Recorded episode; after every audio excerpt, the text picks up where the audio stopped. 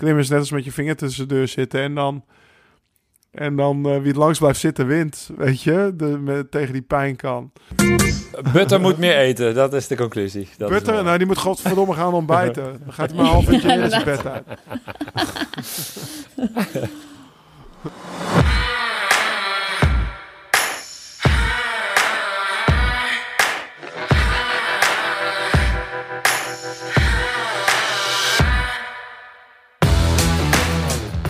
Welkom bij Naar de Vaantjes, een podcast over hoe jij jezelf kunt uitdagen alles uit het hardlopen te halen. We bespreken alles over hardlopen, zoals training, motivatie en wedstrijden, maar ook blaren, thresholds. hardloopspeeltjes, schoenen en data. En soms dwalen we een beetje af naar koffie.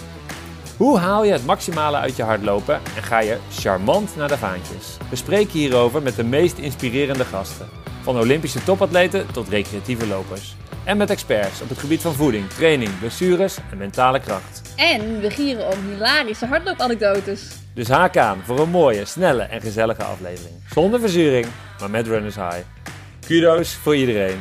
Want wij gaan samen helemaal naar de vaantjes.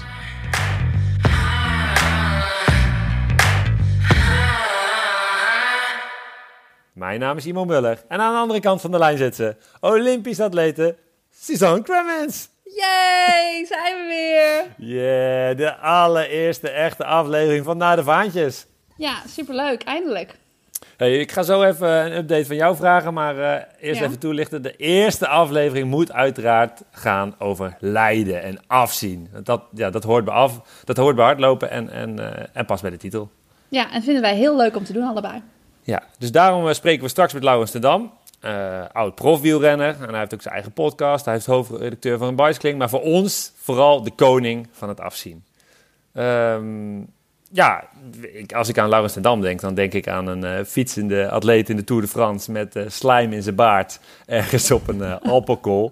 Dus ik ben benieuwd of hij of die tips voor ons heeft, of tips voor hardlopen in het algemeen.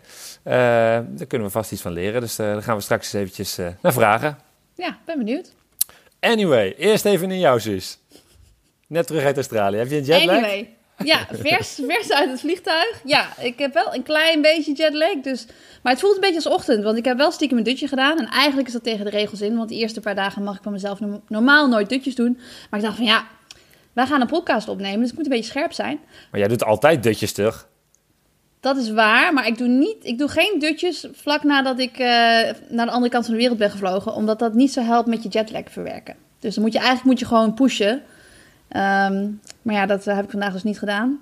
Eh, wel heel veel koffie gedronken, maar het bleek toch niet genoeg. Dus even een kleine powernap, maar nu ben ik weer helemaal scherp. Want de regel is gelijk in een nieuwe tijdzone. Dus een paar dagen heb je het heel zwaar. Ja. En op welk tijdstip heb je het dan het zwaarst? Nu. Nou, dat was dus om twee uur 's middags. En dat is dan, dat is dan tien uur 's avonds in Australië. Dat is toch wel een beetje mijn bedtijd. Ehm, maar daar mag ik dan niet aan denken dat dat tien uur 's avonds is natuurlijk. Maar eh, ja, toen dacht ik, het eh, pas nog wel eventjes een kleine, klein half uurtje even powernap. Dus eh, het kwam eigenlijk helemaal goed uit. Hey, en dat kon wel, want het is best wel een eh, bijzondere dag voor jou. Want volgens mij mag ik je feliciteren. Ja, je mag mij zeker feliciteren. Met je nieuwe Ja. baan, sis. Ja, Wat ga je doen? Wat ga je doen? Wat ga ik doen? Ik ga aan de slag als eh, talentcoach bij de Atletiek Unie. En eh, dat is vandaag dus bekendgemaakt inderdaad via een persbericht. Ehm, dus het was wel een beetje druk. Ik kreeg heel veel reacties, heel veel leuke reacties. En eh, ja, het is allemaal heel erg exciting. Ik heb er heel veel zin in. En ehm, Thomas Lewandowski is de middellange afstandcoach. En die ga ik dus ondersteunen. En dan met de focus op de lange afstand. Dus ja, dat eh, gaat heel mooi worden. Ik heb er heel veel zin in om eh, mijn eigen ervaring een beetje te gebruiken. Om, eh, om die volgende generatie naar de top te helpen. En nou, deze kans kwam eigenlijk precies op mijn pad op het moment dat ik zoiets had van... ik wil ook wel wat anders doen naast mijn eigen lopen. Ook wel een beetje, omdat natuurlijk de afgelopen twee jaar best wel moeilijk zijn geweest met blessures. En ja, ik zoiets had van, ik voel me niet heel productief... terwijl ik alleen maar aan het trainen ben en geen wedstrijden loop. Ja, en als sporter, maar ook als mens wil je natuurlijk van het ene doel naar het andere doel toe werken. En ik merkte gewoon dat ik mijn energie ook in iets anders wilde steken. In de tussentijd eh, help ik natuurlijk een aantal andere atleten. En dat geeft me gewoon heel veel energie, omdat ik een passie heb voor coachen. Dus het is wel echt geweldig dat ik dit nu, zeg maar, in een officiële rol voor de Atletiek Unie mag gaan doen. Ja, dat is echt top. De timing was goed en eh, ik heb er echt heel veel zin in. Ja, gave klus. Maar eh, de vraag die dan. Maar je blijft altijd lopen, neem ik aan. Maar blijf je ook wedstrijden doen? Of hoe ga je dat eh, combineren? Uh, hoe ga ik het combineren? Ja, nou, inderdaad, heel veel mensen vroegen mij van, uh, ga je nu met pensioen? En ik heb, zoiets, ik heb altijd al iets gehad van, ik geloof eigenlijk niet echt in retirement, zullen maar zeggen. ik blijf altijd lopen. En ik moet zeggen dat ook echt heel veel van mijn, um, ja, van mijn rolmodellen in de sport zijn ook gewoon veel ouder dan ik ben. En werk, heel veel daarvan werken ook gewoon fulltime. En lopen daarnaast ook nog gewoon nog steeds nou, personal best en echt tijden van topniveau. Dus ik heb niet zoiets dat het, dat het een het ander hoeft uit te sluiten. Maar uh, ja, als ik uh, moet zeggen van de mensen vragen: ga je, ga je nu de schoen, hardloopschoenen in de wiel hangen? Nee, die ga ik niet in de wiel hangen. Ik blijf lopen. Maar mijn spikes die ga ik wel in de wiel hangen. Ik ga niet meer, uh, je gaat mij niet meer op een baantoernooi voor Nederland zien uitkomen. Daar ben ik wel klaar mee. Maar op, de, ja, op de weg zul je mij zeker nog wel zien. Mooi. Ja. Nou, gaaf. En, en je begint al bijna. Ben je dan vaak te zien op die blauwe baan op Papendal? Ja, als het goed is wel. Dat, ja, dan niet dat, zelf dat... met spikes aan dus, maar nee, wel, ja, met, met de stopwatch. Ja, nee, ik, dat wordt de uitvalsbasis op Papendal. En ja, verder is het natuurlijk ook met, met trainingstages en wedstrijden... zal ik ook veel moeten reizen en zo. Maar ja, Papendal wordt wel... het wordt mijn office. En... Ehm, die vraag uh, werd mij ook wel eens gesteld. Dus over precies een jaar nemen wij weer een podcast op. Wanneer, uh, wanneer mag de champagne? Wanneer ben je geslaagd uh, voor je eerste jaar? Heb je een, een, een, doelstelling voor jezelf? Oeh, ja, dat is een goeie. Of is het eerste jaar gewoon leren? Ja, dat is het vooral, denk ik. Ik denk, ik wil mezelf gewoon verder ontwikkelen als coach. En uh, natuurlijk ook heel veel leren van Thomas. En het is niet zo heel zwart-wit als in, nou ja, je wil een bepaalde prestatie leveren. Ik wil gewoon proberen zoveel mogelijk atleten te helpen. En uh, ja, wat succes is, dat ik denk dat ik daar nou ja, over een paar maanden wat meer een idee van heb dan nu. Um, maar er zijn heel veel uh, initiatieven die we verder willen gaan opzetten en uitwerken. En er zijn initiatieven met uh, junioren, met onder 23, met senioren, ook op de cross. Ik denk dat we op de cross nog heel veel winst kunnen boeken als Nederland. Uh, en verder zijn natuurlijk ja, groepen door heel Nederland en, en de groepen Papendal. Dus nou, er is genoeg te doen om de lange afstand verder te ontwikkelen. En, en hoe we verder die progressie gaan meten, dat weet ik nu nog niet precies. Maar ik ga het je vertellen. Is goed, Ik ga er regelmatig naar vragen. Maar superleuk ja. en, en heel veel succes en plezier, want het is een mooie, ja. mooie baan. Ja, zeker. En, uh, en blijf lekker lopen, dan uh, ja, zeker. kunnen we het nog eens En wij moeten ook een keertje snel gaan lopen trouwens. Ja, je bent weer terug. Het is een stuk makkelijker weer, hè? Ja, dat is een stuk makkelijker.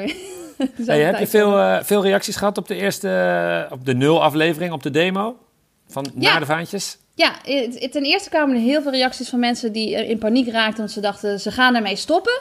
En uh, toen ze eventjes doorluisterden en doorklikten, hadden ze door van... nee, het gaat gewoon door als naar de vaantjes. En uh, ja, veel reacties gekregen, ook op de naam, dat ze het een leuke naam vonden.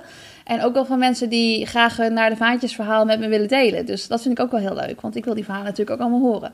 Ja, want dat kan, hè? Want uh, mensen moeten dan uh, kunnen ons gewoon uh, een DM'tje sturen op Insta. Ja. Maar ze kunnen ook een mooie foto en, en, dan wel een echte klassieke naar de vaantjes foto met de hashtag naar de vaantjes. Dat vind ik ja. leuk.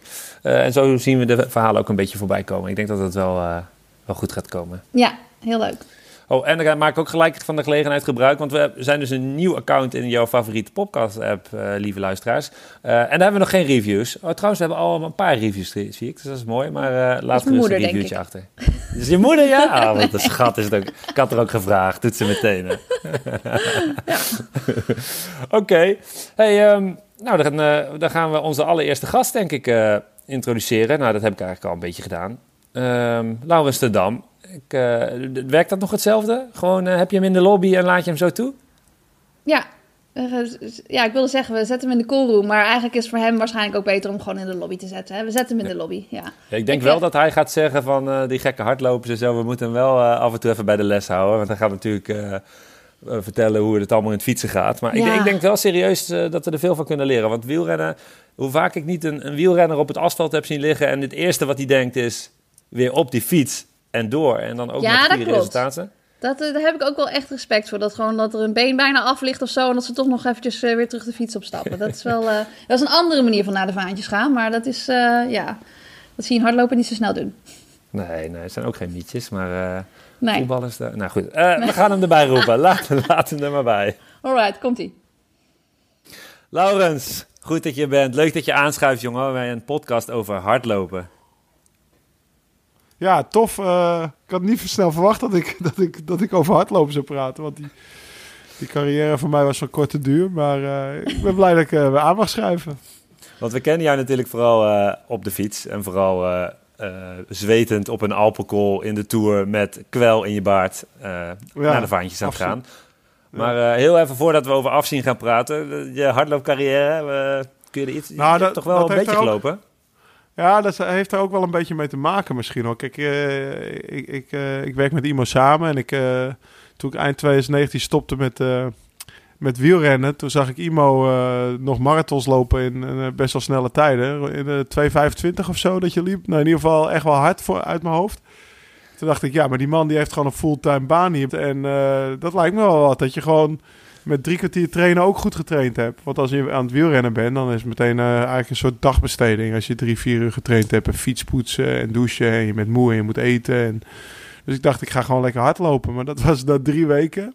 En jullie kennen hem allebei wel, denk ik. Peter Wolters zou me wel even gaan trainen. En na drie weken zei hij, nou ga nou maar een rondje lopen. En met uh, een beetje pijn, dan mag je wel doorheen lopen. dus, uh, want je hebt nu wel genoeg... Uh, ik ben echt benieuwd wat je hebt afgescheurd. ja, nou ja, echt inderdaad. Dus ik begon mijn knie te voelen. En ja, ik zei, ja, Peter had gezegd, een beetje pijn mag ik wel doorlopen. Dus ik, ik liep mijn rondje af. En ik viel vijf kilometer, dat was nog niet eens heel ver. En ja, ik kon gewoon, ik kwam strompelend mijn bed uit een dag later, bleek ik een lopersknie te hebben. Oh nee. Dus, uh, nou ja, en, en, en wat me het meest tegenstond, moet ik eerlijk zeggen, was dat ik daarna ook echt wel last had met fietsen. En dat had ik niet snel verwacht dat ik van een hardlopen ook een fietsblessure zou krijgen. Dus uh, ik denk dat de laatste keer dat ik gelopen heb, eh, dat was drie weken mijn hardloopcarrière. En toen was ik er klaar mee. Ik denk, ik ga, ik ga lekker fietsen, daar ben ik beter in. Want het doel was toch wel, uh, volgens mij had je toen wel ook iets geroepen van, ik ga een keer de halve van Egmond doen. Ja, ja, ja. Kijk, weet je, dat is natuurlijk altijd zo met die wielrenners. Een beetje chronische zelfoverschatting. Dat je denkt, nou, Egmond moet ik toch ook wel... Uh, dan ben ik nog uh, goed in vorm. Dan heb ik de ronde van Lombardije nog gereden met, uh, met 68 kilo. Dan moet Egmond ook wel in een snelle tijd lukken. Hè? Als, ik, als ik gewoon 20 kilometer kan lopen. Maar... Nou, die, die, die ambities konden snel in de kast, ja. je had misschien beter gewoon kunnen proberen zonder te trainen. Zonder opbouw kun je je knie ook niet blesseren. En nou, ik kan, kijken Schipstrand. Daar heb ik ook nog wel een mooi verhaal over. Dat was uh, Thomas Dekker. Mm -hmm. Die kennen jullie allebei ook wel. Uh, die woonde in Luca, die was geschorst. Dus die was een beetje op zoek naar een, een nieuwe kick. En dan had hij een weddenschap met iemand. Dat hij, dat hij 17 kilometer, dat is drie rondjes Stadsmoer Luca. Of drie of vier rondjes, daar wil ik vanaf zijn. De Stadsmoer Luca, niet binnen een uur kon lopen. 17 kilometer. En hij zei, nou, dat kan ik echt wel. En die vent zei, nee, dat kan niet. Want dat, ja, jullie weten waarschijnlijk beter, het zou 2,5 uur marathon tijd zijn of 3 uur. Ik weet het in ieder geval. 17 per uur is wel... Ja, is gewoon doorlopen. ja, is, toch? 2,5 uur, ja. ja. Dan moet je wel serieus nou, lopen, denk ik. Uh, de, hij won die weddenschap. Na 40 minuten kreeg hij pijn in zijn knie. Maar hij liep wel 17 kilometer binnen het uur. Alleen toen lag hij 2,5 dag later op de operatietafel om zijn meniscus te laten opereren. Die had hij volledig doorgescheurd. Serieus? Dus ik ben ja echt. Dus ik ben wel blij dat ik het zo ver niet heb laten komen. Ja.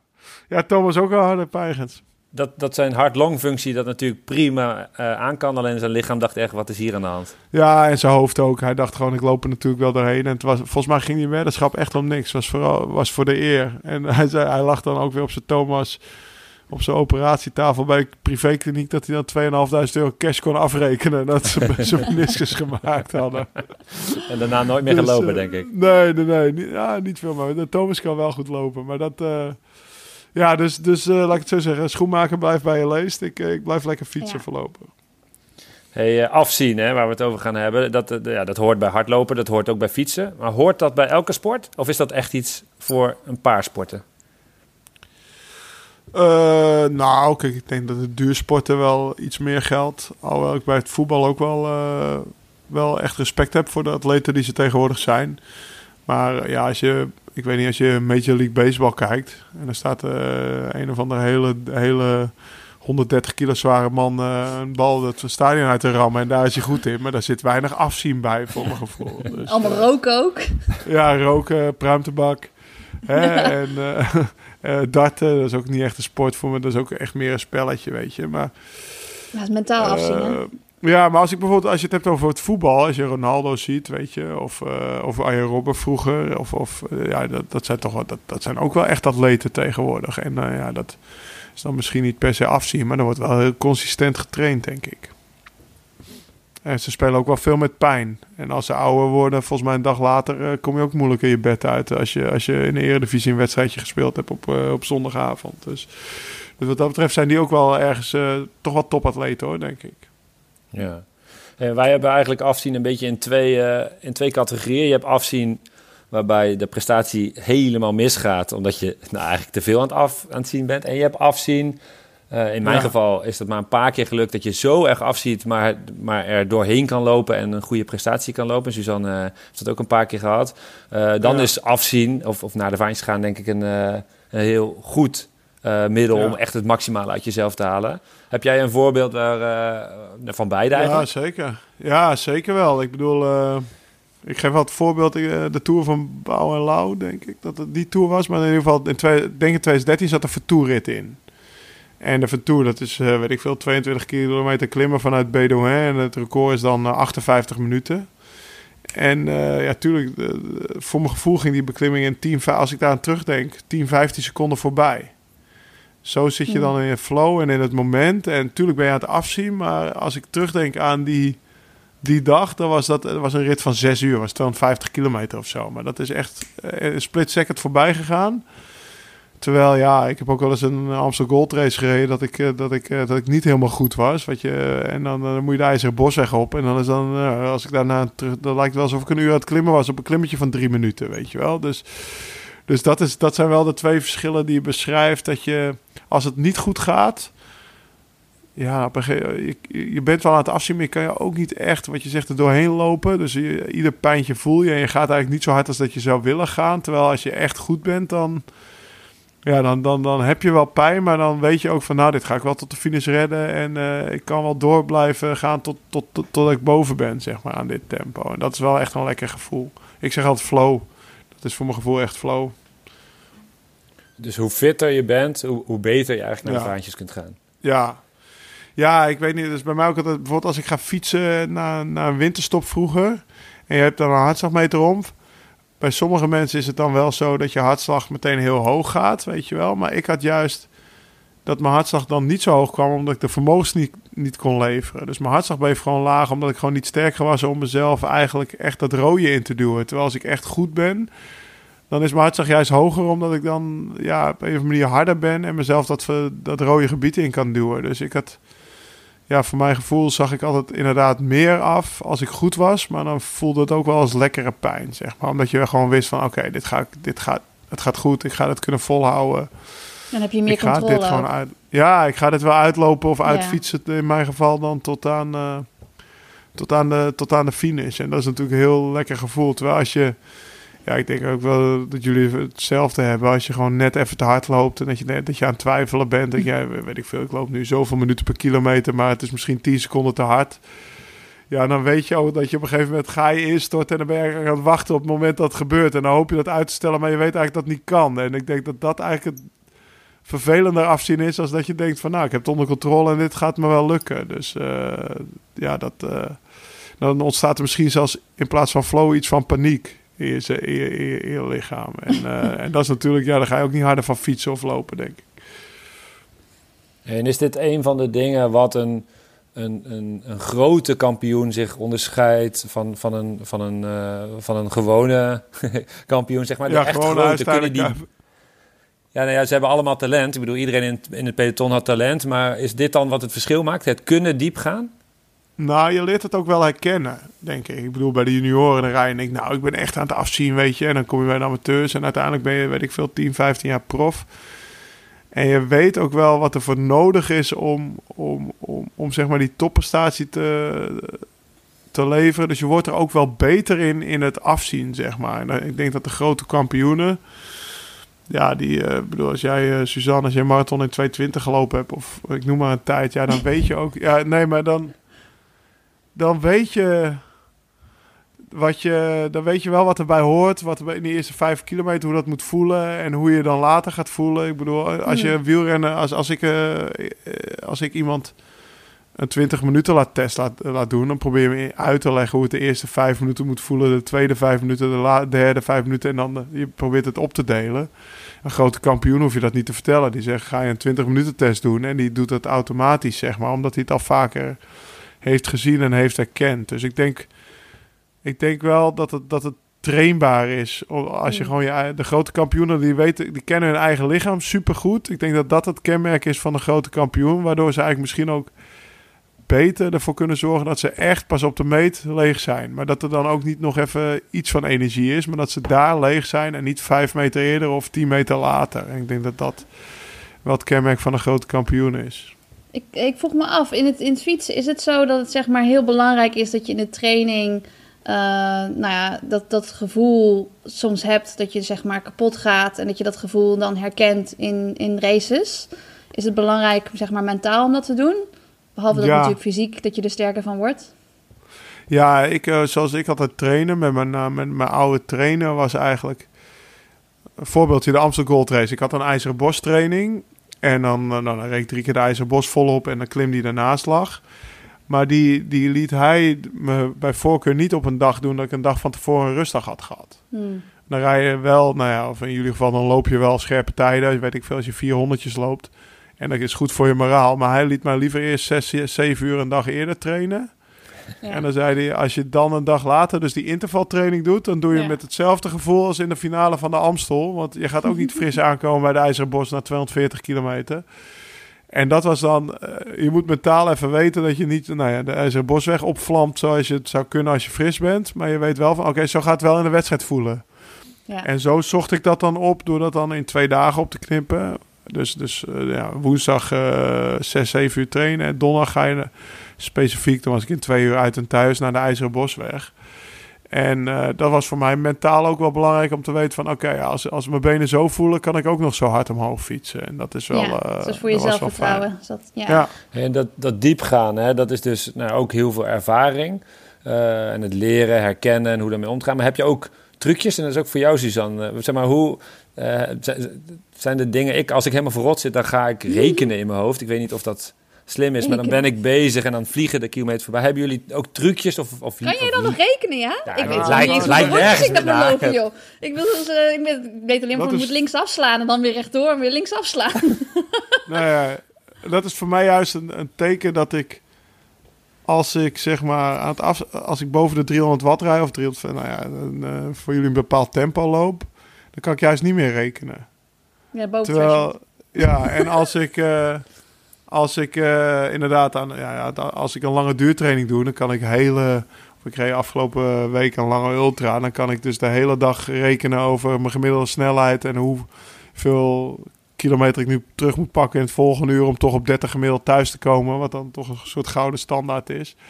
Dus dat rekenen, dat doe ik vooral zeg maar eh, om, als tijdverdrijf. Maar als ik echt aan het afzien ben, dan is het echt, eh, ja, dan vernauwt dat echt wel, dat bewustzijn. Maar dan denk je aan niks, gewoon aan niks. Nou ja, ik heb ook wel eens zo'n Pieter Murphy eh, sessie gehad met, met mijn oude ploeg, met Rabobank of Blanco toen. En, en dan heb je de 16 action types. Ik weet niet of je dat eh ergens Ja. herkent, maar dat is inderdaad, dat is volgens mij in de Nederlandse sportcoaching best wel een bekend fenomeen. En ik was dan een, een, een, eh, een promotor, maar wat bij mij bij, bij het echte focus hoorde, was klein voelen. Dus mijn bewustzijn vernauwd. Maar ik was bijvoorbeeld een renner die altijd wist welke versnelling die reed. Dus als ik een berg op reed, dan zat ik zo, oké, 39, 17, bam, 15, hup, 19. Dus ik wist precies elke keer dat ik schakelde, op welke, dus zo was ik bij, en wat voel ik nu? En een trapfrequentie, oh, even te hoog, tandje terug, even te laag, tandje erbij, weet je wel. Dus, dus zo was ik altijd bezig. En dan keek ik ook nog aan, ja, mijn hartslagmeter vond ik vroeger wel leuk. Later heb ik die afgegooid. Dan ging ik nog meer voelen. Dus ik op het laatst reed gewoon zonder hartslagmeter en zonder power. Maar gewoon echt, nou ja, Bauke gevoel. stijl, echt op gevoel. Ja. Maar dat is hoe ik dan echt in die, die, die, die, die flow kwam van bijvoorbeeld wat ik net beschreef op de Ventoux. Nou, dan weet ik, wist ik gewoon, als je mij eh, een klap voor mijn kop gaf, zei welke versnelling reed, zei ik direct binnen een seconde die. Hoefde ik niet te Ja. kijken. Daar was ik. Dus dat was voor mij een manier. Maar bijvoorbeeld een Lars Boom was een groot kijker. Dat was een, ander, was een veldheer of weet ik veel, een andere action type. Ja, ik zag Tessa, als Tessa, mijn vrouw, kwam kijken naar de koers, die heb ik nooit zien staan. Was super frustrerend voor ik haar. had, Maar dan kon was ik net zo goed niet komen. Eh, Nee, ik was Helemaal met naar Frankrijk versnellingen. En, ja, en Lars die zei, hey, Tess stond langs de kant, weet je wel. Die zag iedereen, die zag alles. Dus dat is, ja, dat is al Ja, verschil van focus. Of die Maar focus ja, klein of groot is. Ja. Dus als je Ja, test had ja. gezien, was het een slecht teken, zeg maar. ja, dan was ik uit koers. Of uit koers, Ja. dan, Ja. dan was ik gelost. Dan had ik Tess gezien, dan, hey, dan, ja, dan, Ja. dan begon ik om me heen te kijken of zo. Of, dan was ik gelost in ieder geval. Dus dat was inderdaad een slecht teken, ja. Hmm. Ja, wel interessant wat je zegt van het rekenen en zo. Want eh, zeg maar in het hardlopen is het wel zo dat als het dan zwaar wordt... en als je je echt heel erg bewust bent van de kilometer waar je in loopt... of welk tempo je loopt, dat het juist zwaarder wordt. Dus dat je daar eigenlijk juist niet mee... dat je eigenlijk juist wil verdwalen... en dat je zoiets wil hebben van... nou, in een 10 kilometer of in een marathon... dat je eigenlijk niet precies weet hoeveel kilometer het nog is. Ja, maar dat is vooral IMO direct. Want ik, ik reken dus ook niet als het zwaar is. Ik reken alleen als het saai is. Oh, oké, ja. Dat snap je? Dus tijdens een lange Ja. duurtraining, ja, dan, ja, wat is het? Dat is het Dat is saai. voor jou, ja, dat is voor jou ook niet heel... eh, dan ben je niet echt aan het afzien. Ja, op een gegeven moment word je leeg. Dan is dat het Ja. afzien. Dan ga je ook fantaseren over wat je gaat koken. Maar ja, dat is... Oh, dan ja, is dat is ook goed. ja, ja. Dan Maar- maar kan je beter een jelletje eten. Jij zegt, jij, denkt dan serieus dus in, die 10 kilometer finale dat je amper op je benen kon staan, maar wel nog hard ging, zeg maar. Dan Ja. denk je alleen maar, ik moet links, ik moet links, ik moet links. Dat, dat is... Dat, ja, of- en, en ademhalen en eh, niet op de Ah. lijn stappen, niet op de rand stappen, niet vallen. Want ik was toen natuurlijk echt zo kapot aan het gaan dat ik bijna zou vallen.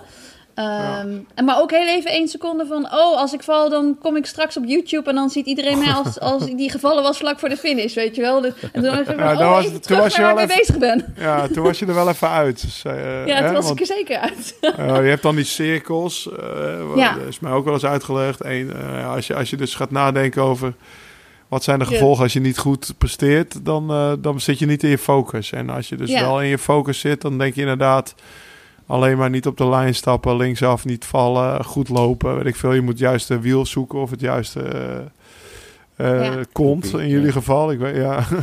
maar in ieder geval, daar ben je dan mee bezig. Maar als je gaat rekenen, ja, sommige, voor sommige mensen eh, leidt het misschien wel af. Maar ik kon ook niet meer rekenen eh, drie kilometer voor Ja. de berg. Alleen aftellen wel natuurlijk, maar dat doe je denk ik ook wel als je een 10 kilometer finale. Het is wel handig om te weten of je nog drie of twee rondjes moet. Nee, maar dat bedoel ik dus, dat ik dat eigenlijk niet wilde weten. En mijn coach zei ook altijd tegen mij van, ja, je, je moet proberen, want je loopt iedere ronde loop je langs het rondebord. Dus je zou iedere ronde kunnen weten hoeveel rondjes het nog is. En zei hij, kijk alsjeblieft niet naar het rondebord. En als jij voor de eerste keer op het rondebord kijkt, als er maar één getal op staat, dus als je dus in de laatste Ja, maar dan ben je toch aan het dus- aftellen? Jij wist toch wel of je drie of twee wil, in je hoofd wil je het heel, je wilt heel graag weten, maar om dat door dat moment uit te stellen dat je echt kijkt, weet je gewoon. Ja, maar ik heb het over de laatste drie kilometer. Ja, Ik heb het over de ja, laatste drie ja. kilometer, zie je ook. Die... Want de laatste drie rondes, wist je dan of je drie of twee rondes moest? Ja, het- van dit geval van Berlijn, omdat ik zo stuk ging, wist ik dat dus niet. Ik wist alleen maar, ik moet die finish halen. Ik moet gewoon, ik, ik was. En hoe wist je dat de finish serieus was? naar de vaantjes. Maar hoe wist Nou, je dat finish was? Laatste ronde, dan hoor je de bel. Dus Ah, dan, dan ja. weet je dat het de laatste ronde is. Zeg maar. dat, Ja. Je weet sowieso dat je die laatste ronde, dan ga je niet missen. Maar eh, dat is, Oké, dat, er ja. zat sowieso geen eindsprint in of zo. Dus dan was het gewoon overleven. Maar ja, toen was ik echt serieus naar de vaantjes. Echt dus dan, weet je het niet meer. En kan je dan ook, eh, want als je het niet weet, maar als je het niet weet, kan je dan ook precies, ja, je moet eh, timen tot, ja, je was gewoon aan het uitstellen dat je langzamer ging lopen eigenlijk. Wat jij net zei van eh, dat je te hard weggaat en dat je weet Ja. van dat moment gaat komen. Dat was zo'n wedstrijd. Van je gaat te Ah, hard weg, je wil de tegenstanders niet laten gaan. Ik ga veel te hard weg, maar hopelijk gaan zij harder dood dan ik. Ja, ja. Dus een beetje En gewoon ge- eh, playing games, you know. maar ja, dat zeg maar wat, je zegt met de focus en dat je, daar, dat je daarin dingen wil veranderen. Dat zeg maar normaal in een race als ik niet zo kapot ga, dan is het wel zo dat, dat het bijvoorbeeld helpt als ik achter iemand loop. Dat je gewoon naar, een- dat ik naar een paardenstaart kijk. Of dat ik naar het Ja. startnummer kijk. En dat ik gewoon de letters ga lezen voor mezelf die op het startnummer staan. Dat ik mezelf afleid van de pijn in mijn benen. Heb je dat ook in het, in het fietsen? Dat je dan aan, expres aan iets anders denkt, zodat je niet aan je benen hoeft te denken? Ja, jij, jij was dus, ja, ik had dus dat schakelen. Dus ik was klein voelen, maar jij bent meer klein kijken dan. Want je Ja. hebt ook eh, van die gasten die dus, de, nou, Vroom is een voorbeeld, die de hele dag op een fietscomputer kijken. Als een Ja. soort focus, weet je wel, dat die de cijfertjes verspringen. En eh, ik had dus dat, inderdaad dat, echt dat, dat, dat schakelen was natuurlijk ook een tik. Soms helemaal niet belangrijk dat je weet welke versnelling je rijdt als je maar hard genoeg gaat. Maar dat was dus voor mij een manier om, om een soort afleiding te hebben van, eh, van ook van de pijn. Want die is er natuurlijk toch echt. Ja, Maarten de zei altijd, is net als eh, ja, een beetje vinger tussen de deur zitten klimmen. Klimmen is net als met je vinger tussen de deur zitten en dan... En dan wie het langs blijft zitten wint, weet je, de, met, tegen die pijn kan. En dat is wel een mooie beschrijving. Maar ik moet eerlijk zeggen, ik heb één keer een... Ik heb één keer een wedstrijdje gelopen, de NC Berglopen in Maastricht. Maar dat, dat hardlopen, ja, dat was ook bergop, bergaf. Dus dat scheelde wel voor mij. Want ja, dan hoefde ik in ieder geval bergop lopen. Is, is wel makkelijker voor een wielrenner, denk ik. Maar dat voelde wel bijna als een kool beklimmen. Zo, zo, zo pijnlijk het is. Dus dat, ja, het is natuurlijk... Heel als je intens. bergop fietst, ja, je sta, als, je, als je niet trapt, sta je stil. Hè? En als je in het vlakken zit of in de wielen zit of een tijdrit rijdt en je rijdt 50, je houdt één seconde je benen stil, dan, eh dan rij je Ja, oh, dat zou 49 lekker af. zijn tijdens Ja, het lopen, zeg. Maar dat kan met lopen niet. Dus wat dat betreft komt het wel heel dicht in de buurt van klimmen, denk ik. Hardlopen. Dus dat... eh, ja, Toch dat wel mooi dus. Ja. Ja, ja, zeker.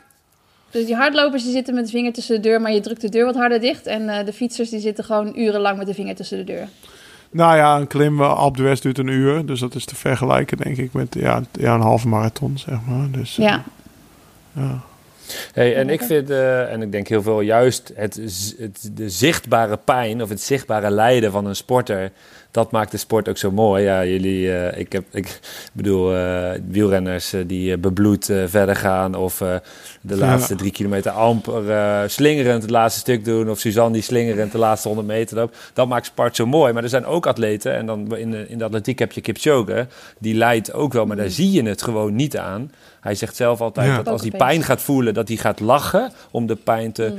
En dat is tactisch misschien ook wel slim om, om het, het lijden niet te laten zien aan je rivalen. Eh, dat geldt voor jullie twee niet, hè? Dat is... eh, Dat Nee, is niet heel waar. Nee, dat is Nee, niet maar ik heel ben er waar wel- dit. Maar ga jij maar eerst, Laurens. ik ben er wel een beetje jaloers op. Nou, je hebt bijvoorbeeld Lange, Sebastian Langeveld. Die loste net zo mooi als dat hij wegreed, zeg maar. Hè? Dus en dat is bij mij niet zo. Je moet wel een kleine kanttekening maken bij dat afzien. eh, dat vond ik, of dat vind ik ook heel mooi als je het echt ziet. Maar ik heb bijvoorbeeld ook, ik weet niet of je die beelden herinnert van die een van die eerste triathlons. Dat, dat die mevrouw helemaal Oh, de volledig ja, De uitgedroogd. Ja, ik weet gezond. Ja, dat, dat is wel dat je denkt van, nou meid, eh, dit, dit, zo hoeft het, dit gaat wel heel ver, zeg maar. Nee, had de organisatie wel kunnen ingrijpen, denk ik. En ook ik, eh, dat ik met die tulband op mijn, op mijn hoofd, zeg maar, eh, over de meter rijd. Op dat moment denk je, ja, nou ja, dat moet gewoon. Maar achteraf ben ik er ook niet heel trots op of zo. Dat ik denk van, nou, daar had je ook Ja. best wel af mogen stappen, weet je. Dus, dus tot bepaalde hoogte is het heel mooi, maar het kan... Ik bedoel, als mijn eigen kinderen, nou, die, die, zitten dan, die zitten dan op voetbal en honkbal, dus dat valt mee. Maar ja, dat, ik heb Jens afgelopen eh, vrijdagavond ook even hinkelend van het veld afgehaald. Die had smiddags al zijn knie gestoten. En het is toch de aard van het beestje dat hij door wil gaan. Ik zeg, joh, gozer, het hoeft niet. Het is maar een keepertraining. Kom lekker naar huis, weet je. Dus er zit wel een bepaalde grens aan bij mij inmiddels. En die lag vroeger veel verder dan nu. Maar eh, ja, dat, dat, dat tactische van het niet laten zien. Je moet het, je, je- op een gegeven moment ken je rivalen wel natuurlijk. Dat je denkt, nou, ik ga toch even proberen of hij, of hij niet kapot zit. Want eh Langeveld of Ivan Slik of... Ja, eh, wie, is dan nog meer voor? Dennis Menchoff, dat waren natuurlijk gasten die, eh, die, die zo mooi op de fiets zaten, maar die konden net zo mooi lossen, zeg maar. Dus eh, dat, op een gegeven moment weet je het wel van ze. Maar het is inderdaad wel heel intimiderend. Ja, qua, qua ademhaling heb ik dat wel eens als ik in een groepje loop. Dat je dan wel let op de andere lopers en hoe ze ademhalen. Heb je dat in het fietsen ook? Dat je dan nou ja, je ademhaling wat rustiger houdt. Zodat de anderen niet kunnen zien dat je kapot gaat? Of, of werkt dat zo niet? Eh, nou, het is juist bij het wielrennen vooral vaak dat je jezelf juist kapotter voordoet dan je bent misschien in een kopgroepje. Oh. Dat je hoopt dat ze je onderschatten, weet je wel. Want het is natuurlijk, dan hoef je wat minder op kop te rijden of dan, dan, ga je een paar gekke bekken trekken. Terwijl dan zit je in het wiel en dan, eh, dan, eh, dan kan je weer normaal kijken, zeg maar. Dus het Ja, gebeurt ook wel andersom. andersom. Ja, het gebeurt bij het wielrennen Ja. ook wel. Ik denk dat het eerder vaker andersom gebeurt dan dat mensen zich echt heel goed proberen te houden. Ja, je probeert je vooral goed te houden als je jezelf niet goed bent natuurlijk. Dat je denkt, nou, met één Ja. demarage ben ik eraf en eh, ik ga nu proberen te faken dat ik echt heel goed ben, eh, zodat ze het niet proberen. Maar zeg maar jezelf minder voordoen dan je bent en dan op het laatste nog even heel goed zijn, dat gebeurt vaker. Ja. Ja, stiekem. Ja, want dat wil ik zeggen van Berlijn. Toen zag ik er natuurlijk... Want jij zegt van... eh iemand, jij zegt van wij, wij, wij laten gewoon zien dat we kapot zijn. Nou, je maakt er wel een show van. Eh, Dan kunnen we wel rustig Ja, die- die- maar wat grappiger dus is, is dat ik dus toen echt achter die Turkse lag. En dat ik dacht van, ik ga haar voorbij lopen. En ik dacht, ik wacht nog één rondje en dan ga ik er voorbij. En op het moment dat ik er voorbij ging, weet ik nog dat ik een paar stappen eventjes heel rustig echt mijn adem inhield. En dat ik dacht van, Oh, ja. dan gaat ze Ja, niet mee, sorry. dan gaat ze niet mee. Dus ik ging er best wel snel voorbij. En adem even ingehouden, zo van dat, dat ik er geen hoop geef van, jij kan even lekker aanhaken. En ze haakte niet aan, hè, dus het heeft wel geholpen. En daarna Nee, echt, maar- eh, kom op, Ja, ja. waar passen? Ja, ja. ja dat, dat is wel herkenbaar. Dat is ook in het wielrennen wel een uitdrukking. Hij fietst zonder te ademen. Dus met de mond dicht. eh, Oh, dit met de mond dicht, eh, ja precies. Ja. Dat, maar dat is ook ergens zelfs een, inmiddels een verkapte beschuldiging van, van EPO of dopinggebruik. Zeg Oh. maar. waarschijnlijk gaat je makkelijker met je mond dicht als je, als je heel veel rode bloedlichaampjes hebt. Dus dat is ook, eh, als hij, hij fietst zonder te ademen, dat is bij ons ook wel een beladen uitdrukking. Oh jee, ja, Ja. ik snap Maar het is ook toch als Ja, je nou op ja, het stelste stuk... Drie seconden na moest ik heel veel ademhalen, dus dat was, eh, dat, eh, was duidelijk. Maar drinken op het stelste stuk is toch ook wel een signaal dat je goed bent? Ja, Oh. zeker, zeker. Ik heb daar met Wout Poels, een, Speldenprikjes. dis- Wout Poels een discussie over gehad. Ik zeg, ik heb jou wel eens op beeld een, een colaatje zien aanpakken... dat er nog tien man in je wiel zat te janken, weet je wel. En dan heel autoritair op kop rijden, colaatje aanpakken, rechtop zitten... en dan opdrinken. en, eh, ja, dat, Oh, dat ja. is een pure intimidatie. Dat is echt... eh, Ja, ik ga lekker. Dat gaf hij ook toe, ja. ja, ja. Hij, kan dan, hij heeft dan een techniek, hij kan zo'n klein blikje met één hand openmaken. Dat ziet er natuurlijk, ja, en iedereen zit daar met hartstikke 200 eh, op die berg te rijden. Dus dat, dat, daar is hij echt heel goed in. En Wout is daar wel een meester in, een beetje het afbluffen van, eh, van hele ploegen zelfs. Omdat hij die heeft, die heeft een soort, eh, ja, zijn V2 Max, eh, ja, wat is dat, tankje, zoals ze dat noemen in het wielrennen, is best wel hoog. Dus hij kan even, even versnellen, is hij wel goed in. En daardoor bluff je natuurlijk snel mensen af. Terwijl ik echt zo'n aanklamper was, zeg maar. Dus dat, dat- dan is wat moeilijker om mensen af te bluffen. Ja, Ja, heel veel volgens, mij mentale heeft, eh, spelletjes, mooi. volgens mij heeft Nicky dat ook een keer gezegd. Ik weet niet meer toen hij uh, Parijs-Roubaix of Ronde van Vlaanderen won. Van, eh, je, moet- als je gaat demereren als je goede benen hebt, dan eh, ja, heeft iedereen goede benen. Dus je moet demereren als je hele slechte benen hebt. En dan denkt de rest, holy shit, die gast is nog goed. ja, ja, ja. Nee, maar dat is wel waar. Als, ieder- als jij pijn in je benen hebt, dan is het natuurlijk meer waarschijnlijk dat iedereen pijn in zijn benen heeft. Als dat jij ook nog niks gevoeld hebt. Dus eh, ja, dat, is, dat klopt. Hm. Ja. Hey, en eh, is het leuk? Als je er nu aan terugdenkt, is, het, is, is, is pijn stiekem ook, maakt dat het mooi? Of ben je het eigenlijk allemaal weer vergeten hoeveel pijn het echt deed?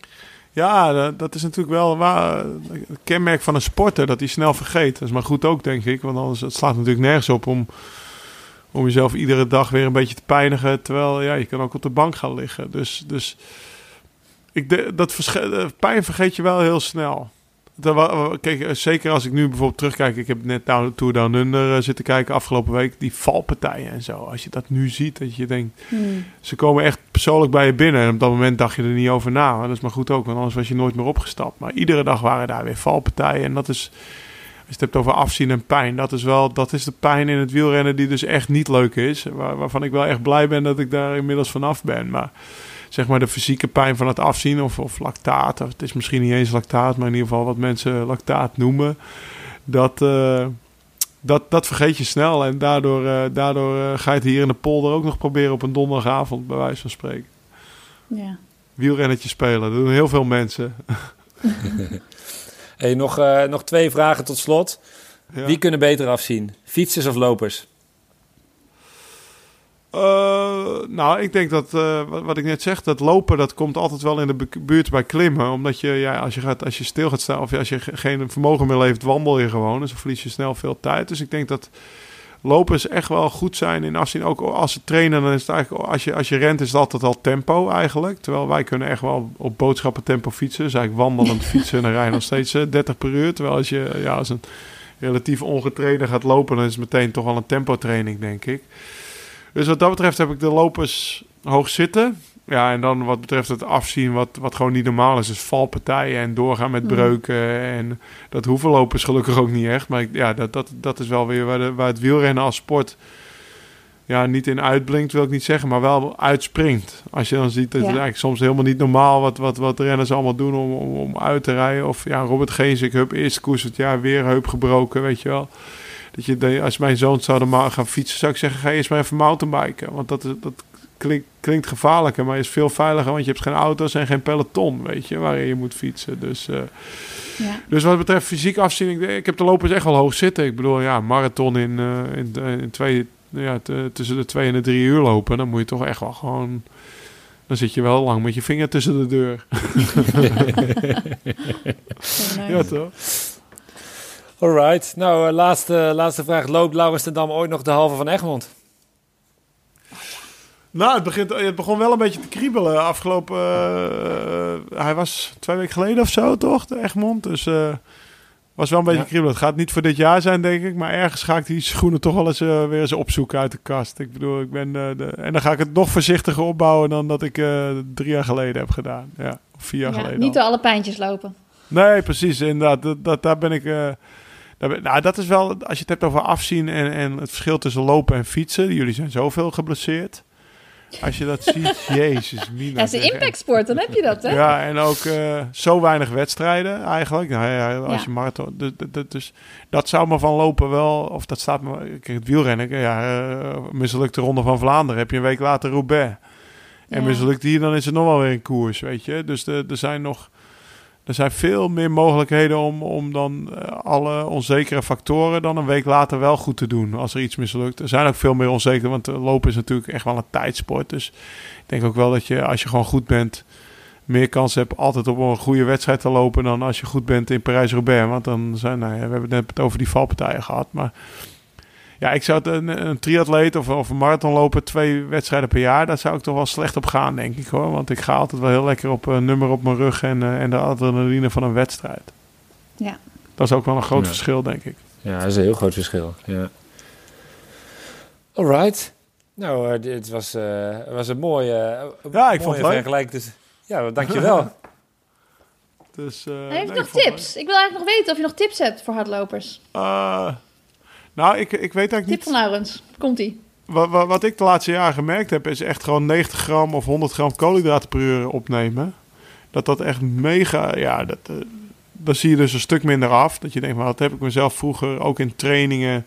Dus inderdaad dat je gaat fantaseren over wat je gaat koken... maar gewoon omdat je eigenlijk twee jaar lang met een hongernok rondrijdt. Dat sloeg achteraf nergens op. Maar ik, ja, ik, ik snap dat met lopen, met maag en dat het op en neer gaat. Ja, dat is moeilijk, en, en, ja. maar dat het lastig is. Maar dat zou wel echt... uh, Als, als je dat lukt, Hmm. dat is echt, uh, dat is, zo, dat is echt key. Zeker in een marathon. Maar als, je, als je dat lukt, om, om dan gewoon in die twee uur, weet ik veel, 150 gram op te eten. Ik denk dat het echt zoveel scheelt. Ja. Dus dat zou, dat, dat. Dat, dat, zou, dat zou echt uh, mega veel kunnen schelen, denk ik. Ja. Mooi, genoteerd. Heb je eens met een hongerklop gelopen, Imo? Uh, ja, maar ik heb, als ik eerlijk ben, vaker een hongerklop op de fiets gehad dan met lopen. Nu zit Ja. ik, uh, als ik fiets, ook langer uh, op de fiets. Ik had het vooral, ik heb een periode dat ik één keer in de week uh, op de fiets heen naar werk ging en terug. Dus uh, Ja. zeg maar 50, geen 50 terug. Terug aan het eind van de de dag. Maar je neemt Ja. het gewoon niet serieus, hè? Dat is het gewoon. Jij Nee, maar denkt dan van, denk ik je, hoef niet te eten. ook wel. 50 kilometer, ik douwde één reepje in en ik red het wel.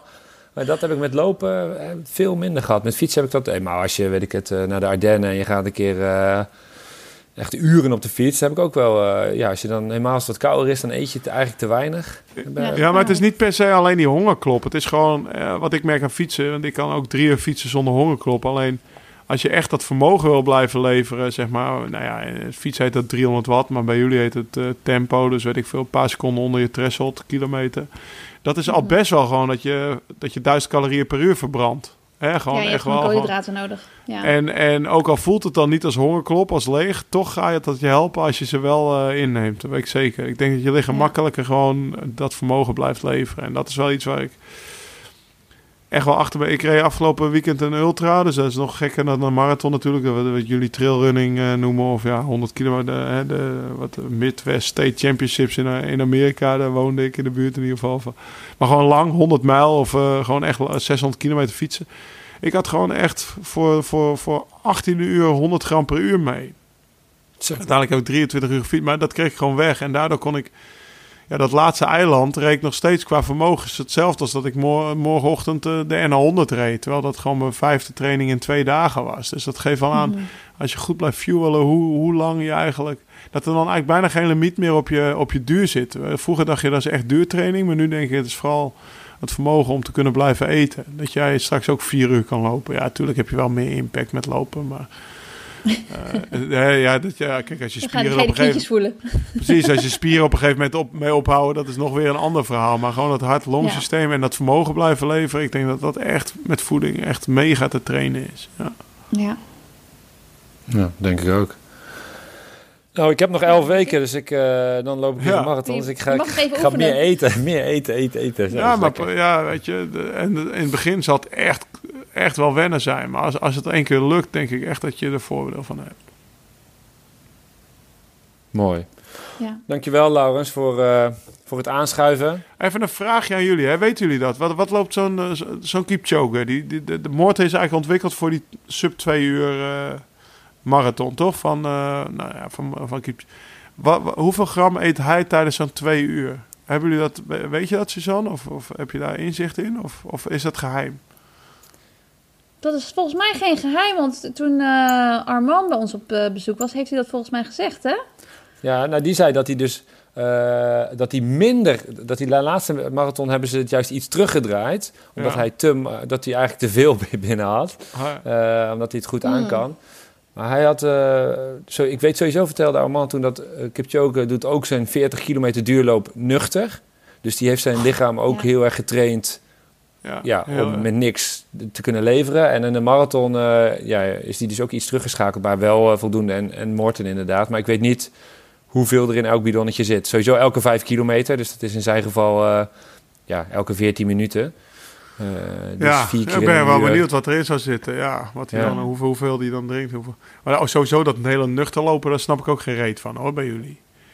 Ja, ik doe het niet, ik doe het niet. Ik kan het ook niet. Eh, Michel Butter, die gaat nu, eh, die traint eh, veel met ons mee op de fiets. En dan zegt hij, ja, eh, even ontbijten. Maar die, die, die staat echt gewoon na een paar uur, dat die, die komt echt gewoon, of ja, niet vooruit als een groot woord. Maar dan zegt, gast, heb je wel ontbeten? Nee, nee, ik krijg soms geen brood weg. Want hij heeft zijn hele leven nuchter, eh, nuchter gelopen. En dan eh, haast, haast op de fiets. Maar je ziet En het gewoon aan- fietsen. ja, je ziet gewoon aan hem dat hij gewoon echt. Kijk, wat het verschil met fietsen en lopen is natuurlijk ook dat wij, onze sport is best wel gewoon. Ik moet gewoon, ja, ik moet gewoon eh, net zo hard kunnen lopen als een 800 meter loper voor stukjes of 400 meter zelfs. En, en zeg maar die deur aan. Terwijl bij, bij Michel, die moest natuurlijk gewoon, ja, ja marathon tempo. Dat is, dat is natuurlijk een heel ander tempo. Maar het fietsen, als wij door de duinen fietsen, moet hij ook stukjes 1800 of Ja, best wel 1500 hard, meter tempo ja. kunnen lopen. Dus dan trek je natuurlijk veel sneller je koolhydraten even leeg. Dus dat is natuurlijk ook waar hij aan, aan moet wennen. En ja, de- vandaar dat ik altijd eh, zeg, gast, ga nou niet nuchter mee fietsen. Ik moet op je wachten, weet je wel. Eet nou gewoon een boterham. Dat maakt het voor iedereen makkelijker. Ja. Ja, en het eten op een fiets. Dus daar, ja, mountainbike is misschien weer wat moeilijker eten. Maar op de fiets Ja, heb je ook alle tijd om, eh, om, om bij te eten. Ja, zeker. Maar ook voor, vooraf. eh, de, ja, ik, ik, ja, voor mijn gevoel, ja, dat, dat is wel het verschil tussen lopen en fietsen. Jullie zijn echt natuurlijk, of lopers, dat die rijden, ja, je loopt, ik weet niet hoeveel je boven je threshold loopt. Ja, een 10 kilometer zal anders zijn, maar in een marathon natuurlijk niet eigenlijk, denk ik. Misschien alleen een uitsprint. Maar eh, dat, dat wielrenners die moeten ook in een koers van 6 uur een kort klimmetje knijterhard op fietsen. Wat echt in je 1500 meter eh, tempo is. Of in je 800 meter tempo zelfs. Dus dat is wel, dat is wel een verschil in de sporten, denk ik. ja. Ja. Nou, mooi. Leuk. Mooi. leuke nou, podcast. eh, Butter moet meer eten, dat is de conclusie. Dat Butter, mooi. nou, die moet godverdomme gaan ontbijten. Dan gaat hij maar een half uurtje eerder zijn bed uit. Mooi. Goed, nou dankjewel eh, Laurens en eh Helemaal en spreek goed. je snel. Oké. Dankjewel. En zo zijn we aan het eind gekomen van de eerste aflevering van Naar de Vaantjes. Heb je vragen voor ons of ideeën voor een gast die je graag eens in onze podcast zou willen horen? Stuur een berichtje via onze Instagram of stuur een e-mail naar naardevaantjespodcast.gmail.com Dank ook namens Suzanne. Blijf luisteren en lopen. Hoi hoi.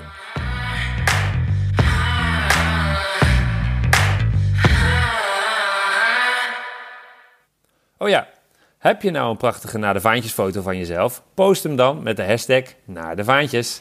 Ja, of als je nou op social media een foto voorbij ziet komen van iemand waarvan je denkt, nou, die is echt enorm naar de vaantjes gegaan. Zet de hashtag er dan even onder, dan kunnen we allemaal even lekker meegenieten.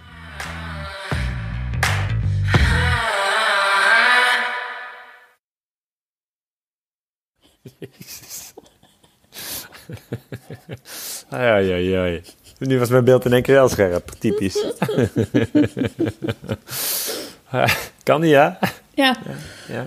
oh, gaat goed. Is het hele sterke koffie? Of Ik hoor je niet. hoezo niet? Test 1, 2, 3. Je, je, je zegt niks nu, of wel? Ik Zeg jij heel veel. Jawel, jawel, jawel, jawel. Oké, niks gehoord. Nu wel? Oh man, dit wordt echt lachen straks met Laurens. Jullie gaan lekker even een gesprek voeren en ik ga gewoon weer koffie maken of zo.